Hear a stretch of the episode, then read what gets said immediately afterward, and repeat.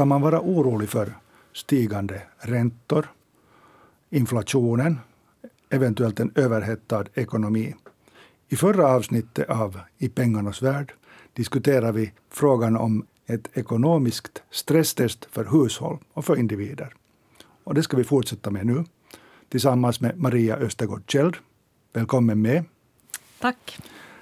Jättefint att du är med och diskuterar sådana saker som angår både yngre och äldre, höginkomsttagare, låginkomsttagare och egentligen alla historiska situationer. Onödigt att, att vara orolig för inflationen för att då får man ju vara orolig hela tiden för alltid händer det överraskningar i världen. Så är det. Och, och, just stigande räntor är ju egentligen ett sundhetstecken.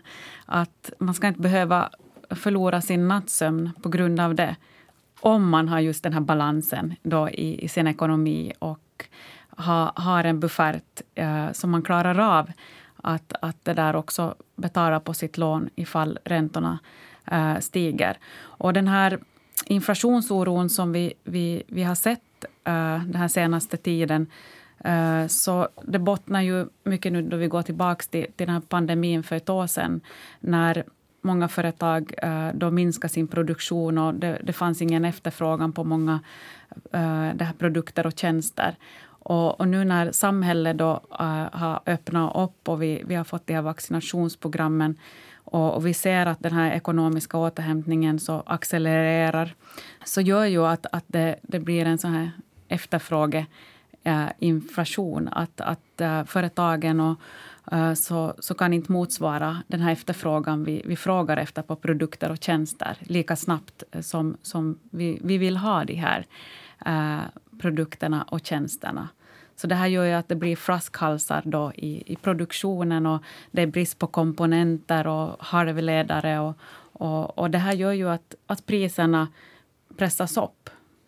Eh, men centralbankerna har ju indikerat på att, att det här behöver vi inte vara oroliga för. Det är ändå bara så här tillfälligt, att det här ska jämnas ut. Men ändå förstås så det här nollränteläget vi, vi har levt med så länge, det är ingenting normalt.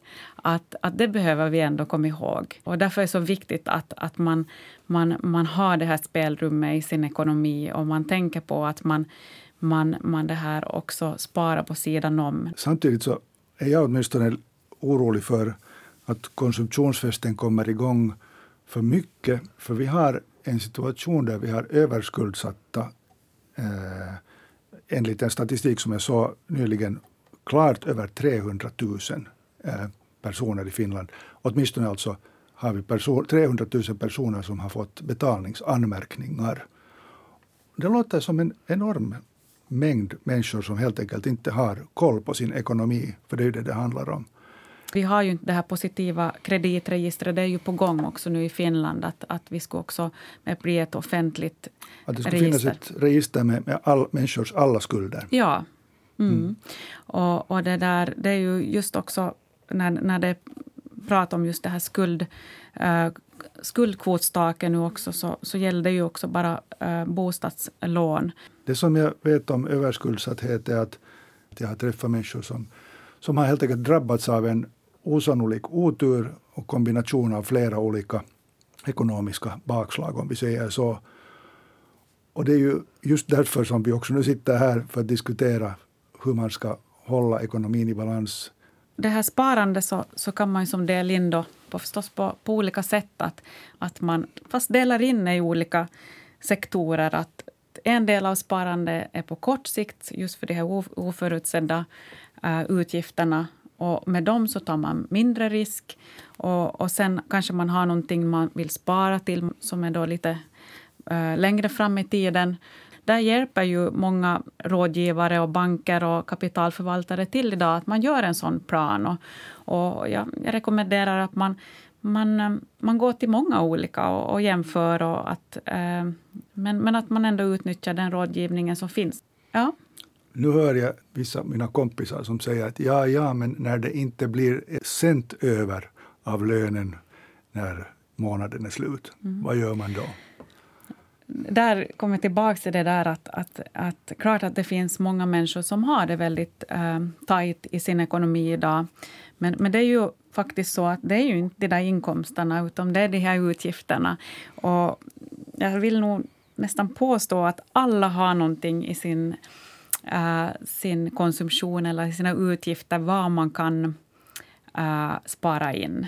Att, ta till exempel, nu kanske inte är så vanligt ännu här i Finland om man jämför med många andra länder. Man tar den där take away-kaffen på morgonen från någon, från någon kiosk när man går. Men börja räkna över alla de här då man tar kanske varannan dag, vad det gör eh, i ens ekonomi. Så det finns sådana små saker man kan, man kan se över. Och också med förstås ett sånt som, som alla, alla har, att mat idag, att eh, spara i vardagsekonomin. För det är just den här vardagsekonomin som oftast man hittar de här uh, sätten. Och, och man, man helt enkelt ser över uh, sina... Och det finns ju många ver fina verktyg idag uh, via olika applikationer, men bankerna har också så man kan få göra en budget och man ser exakt att, att så här mycket har gått till kläder i månaden, till, till transport. Och, och, och, så det där är ett bra tips att titta på och så därifrån så, så kan man få en sån här aha-upplevelse. Ja, men det där är ju någonting jag inte har tänkt på. Den där delen skulle man kunna kanske minska och, och, och sätta till sparande istället. Mm. Sen ska vi väl ändå konstatera att det finns också så fattiga familjer i Finland, till och med i Finland, att, att sparande de facto är omöjligt. Absolut, och det, brödköerna har ju faktiskt också ja. uh, förlängts nu under den här pandemin, så det, det, det får vi ju komma ihåg. Ja. Uh, när det gäller sen många människors ekonomi så vet vi ju, och det här är så bekant från tidigare diskussioner och från allas liv, att det mesta man har är fast i bostaden. Det här är ju egentligen emot alla ekonomiska principer om, om balans i ekonomin. För det betyder ju att du har alla ägg i samma korg. Hur fiffigt är det nu egentligen då att, att satsa på en ägobostad? Vi kommer tillbaka just det här med då förstås nu när det är aktuellt med att, att, att äh, räntorna är, är på, äh, på väg uppåt. Så, så, så, där kom, så det är så viktigt igen då att, att vi, vi, vi har då skyddat oss mot den här ränte uh, räntor, den här delen som kommer att förstås bli större. Ja, men och, jag tänker på liksom he helheten, hur, hur man än vad heter, räknar med höjda räntor och, och, och, och försöker liksom få ner amorteringskostnader och sånt, så är det ändå liksom en så stor del av ens ekonomi. Mm. Ja, och, och där är just också att, att, att jag skulle säga att vi, uh, vi är väldigt känsliga, vi finländare, på, på den sidan igen den här ränte, äh, räntekänsligheten men på grund av att vi, vi har så stor del av vår förmögenhet fast i, i eget boende. Och, och det, det, är ju, nu är det ju väldigt äh, livligt på bostadsmarknaden. Ja. Det, det, är lätt att sälja sitt boende, speciellt i, äh, här i tillväxtcentren. Men vi kan ju också komma ihåg att det, det är ju en, det är inte en förmögenhets, ett förmögenhetsslag som är så lätt och snabbt att realisera. Och, och speciellt kanske också eh, utanför eh, Helsingfors eller utanför tillväxtcentra så, så är då försäljningstiderna också längre. Och, och det här värdet behöver inte alla gånger heller ha gått i den riktningen som man, som man skulle önska. Uh, så det här är ju någonting som, som man behöver också fundera över. Och där kommer vi igen in på det där att, att vi, man ser över sin helhetsekonomi. Att man har också annat på sidan om. Eh, att man inte har fast hela sin säga, ekonomi eller förmögenhet i, i mm. boende.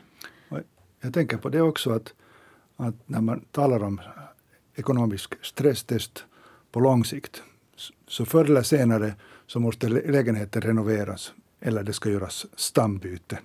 Det har vi märkt också att, att eh, många då som, som kanske också äldre som har blivit ensamma eh, och, och eh, partnern har, har, finns inte mera med i bilden och, och de här fasta uh, månadsutgifterna blir väldigt höga och, och allting är fast i den där lägenheten. Och sen kommer det stora renoveringar i bostadsaktiebolaget och, och det här blir ju en, en, en väldigt... Ibland har, har också människor hamnat att flytta ut från sitt eget hem på grund av att man klarar inte av de här uh, kostnaderna med, med renoveringarna. Så man borde ha en buffert liksom, med tanke på, på den tiden också? Det så det blir många buffertar här som man borde ha tänkt på. Men då kommer vi just förstås fram till den här saken du lyft fram. Att, att ska vi ha då största delen av vår förmögenhet fast i eget boende. Mm. Kan man, kan man komma överens med bankerna då om extremt långa amorteringstider? Jo, och jag menar just om man, om man tänker, vi går tillbaka till den frågan just att, att man skulle hamna i en sån situation att, att eh, det, det är på kommande en stor uh, renovering i ens aktiehusbolag eller i husbolaget och, och man har sin, uh, sin lägenhet skuldfri så, så har man ju nog möjlighet där att diskutera med, med långivarna att, att finns en möjlighet att, att, att det här få ett lån mot, mot sin skuldfria lägenhet fast man också är pensionär. Att den, den möjligheten så, så erbjuder ju också många idag. Eh, att man får då oftast med amorteringsfritt, att man, man, man då betalar räntan. Mm. Så då har man sin lägenhet som säkerhet. Mm, för det här lånet. Mm. Så man kan bo kvar. Det här är ett sätt att, att göra att man ska kunna bo kvar. Mm. Mm. Överhuvudtaget talas det idag allt mer om pensionärens ekonomiska situation. Eh, det vill säga att alla inte är förberedda på det att inkomstnivån sjunker. Och så vet vi ju också att pensionerna stiger ju inte direkt heller. Nej, det, det är nog andra vägen om vi ja, ja. säger så. Mm. Vilket är ett, ditt råd igen för, för pensionären, för kommande pensionärer, blivande pensionärer ska vi säga? Det är nog att man ska börja faktiskt tänka på det äh, egentligen genast när man blir när man får sitt första jobb om man, eller får sin första inkomst, att man då redan ska... Det, jag, jag förstår, det känns väldigt främmande och långt framåt det är ju så att börjar man redan som ung så behöver man ju inte sätta så mycket heller i månaden för att, att det ska växa och bli en, en, en viktig del av den här som kom, kompletterar den här lagstadgade pensionsdelen. Lagstadgade pensionen får man ju räkna med ungefär ja, det är inte ens 50 procent av de här normala inkomsterna man, man, man har fått under sina arbetsår. Vi har nu diskuterat i två avsnitt av I pengarnas värld om en sån här ekonomisk, ett ekonomiskt stresstest. Och när jag lyssnar på dig Maria så inser jag att man borde vara så rationell i alla skeden av livet. När man är ung ska man börja spara för att ha när man blir pensionär. Man ska hela tiden ha en buffert ifall tvättmaskinen går sönder. Man ska tänka på att eh, inkomstnivån blir mindre när man blir pensionär. Man ska tänka på att man kanske måste renovera sitt hus vid något skede. Man ska ha pengar för det. Är vi så rationella att vi klarar av en sån här sak? Jag tycker det börjar låta tungt. Sen, sen, tror jag när man börjar också fundera på det där och, och, och eh, så, så kan det också födas ett intresse. Att, att det är ju med många saker. Att, att, och sen att det också blir den här trans, äh, öppenheten, att, att, att människor börjar prata om, om sparande. Eller också att man, man kanske pratar om...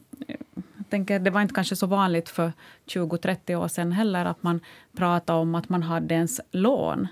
Äh, och man pratar ju aldrig om, om räntor och, och sånt. Pengar idag, och löner. Ja, och sånt. löner. Nej. Äh, men idag så, så diskuteras det väl mera vanligt också, till och med på, i kafferummen på, på arbetsplatser, att, att om referensräntor, om, om, om eh, lånemarginaler. Och, eh, det, det är ju också den öppenheten att, att och om man lär sig den vägen och, och sen kanske också föds ett intresse att genom att man deltar i diskussioner och, och hör hur, hur andra har gjort och sånt så, så kanske också väcks det här intresset för sin egen uh, personliga ekonomi. Man måste ha intresse. Man, intresse och, och, och, man, det kan vara svåra saker och, och uh, men, men där finns många som, som hjälper idag och det finns mycket litteratur och på, på nätet att läsa. Och... Maria Östergård Kjell, tack för att du var med i Pengarnas värld. Tack.